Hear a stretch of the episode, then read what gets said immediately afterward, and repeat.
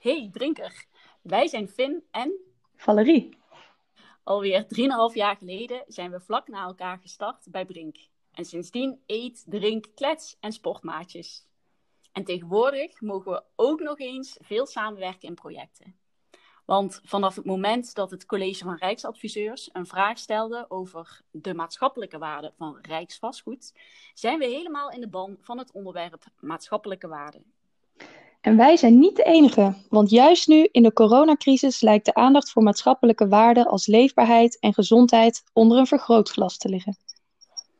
En nu laten we jou ook graag kennismaken met het Brink-gedachtegoed rondom maatschappelijke waarden.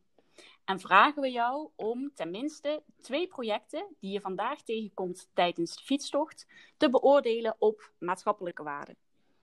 Maar dan is het wel handig eerst te weten wat maatschappelijke waarde is. Wij verstaan hieronder de waarde die een gebouw, gebied of infrastructuur toevoegt of kost aan zijn omgeving.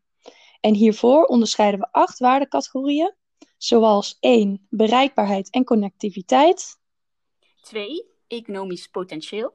3. leefbaarheid, veiligheid en sociale cohesie, 4. Balans en differentiatie in de ruimtelijke structuur. 5. toegankelijkheid van groen en blauw, 6. Publieke en sociaal-maatschappelijke voorzieningen. 7. gezondheid, duurzaamheid en klimaatadaptieve leefomgeving, En als laatste 8. Kwaliteit, openbare ruimte en leefomgeving. En wees niet bang, dit kun je ook nog een keer rustig nalezen in het boekje. De vraag aan jou is nu: kun jij voor het project tijdens de eerstvolgende stop bedenken binnen welke twee categorieën het project de meeste waarde toevoegt aan zijn omgeving? Maar ook binnen welke categorie het project juist de minste waarde toevoegt aan de omgeving? En we vragen je daarbij te kijken naar de fysieke aspecten van het project. Dus denk bijvoorbeeld aan de architectuur die gebruikt is. Daarnaast de specifieke functie die het eh, object heeft.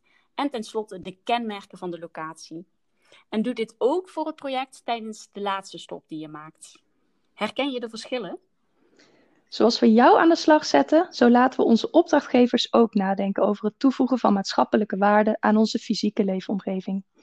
Dit hebben we onder andere al gedaan bij de gemeente Eindhoven, Alphen aan de Rijn, Nieuwegein en het COA. Doe jij in jouw volgende project ook met ons mee? We wensen je voor nu veel fietsplezier en geniet van alle verhalen. Houdoe!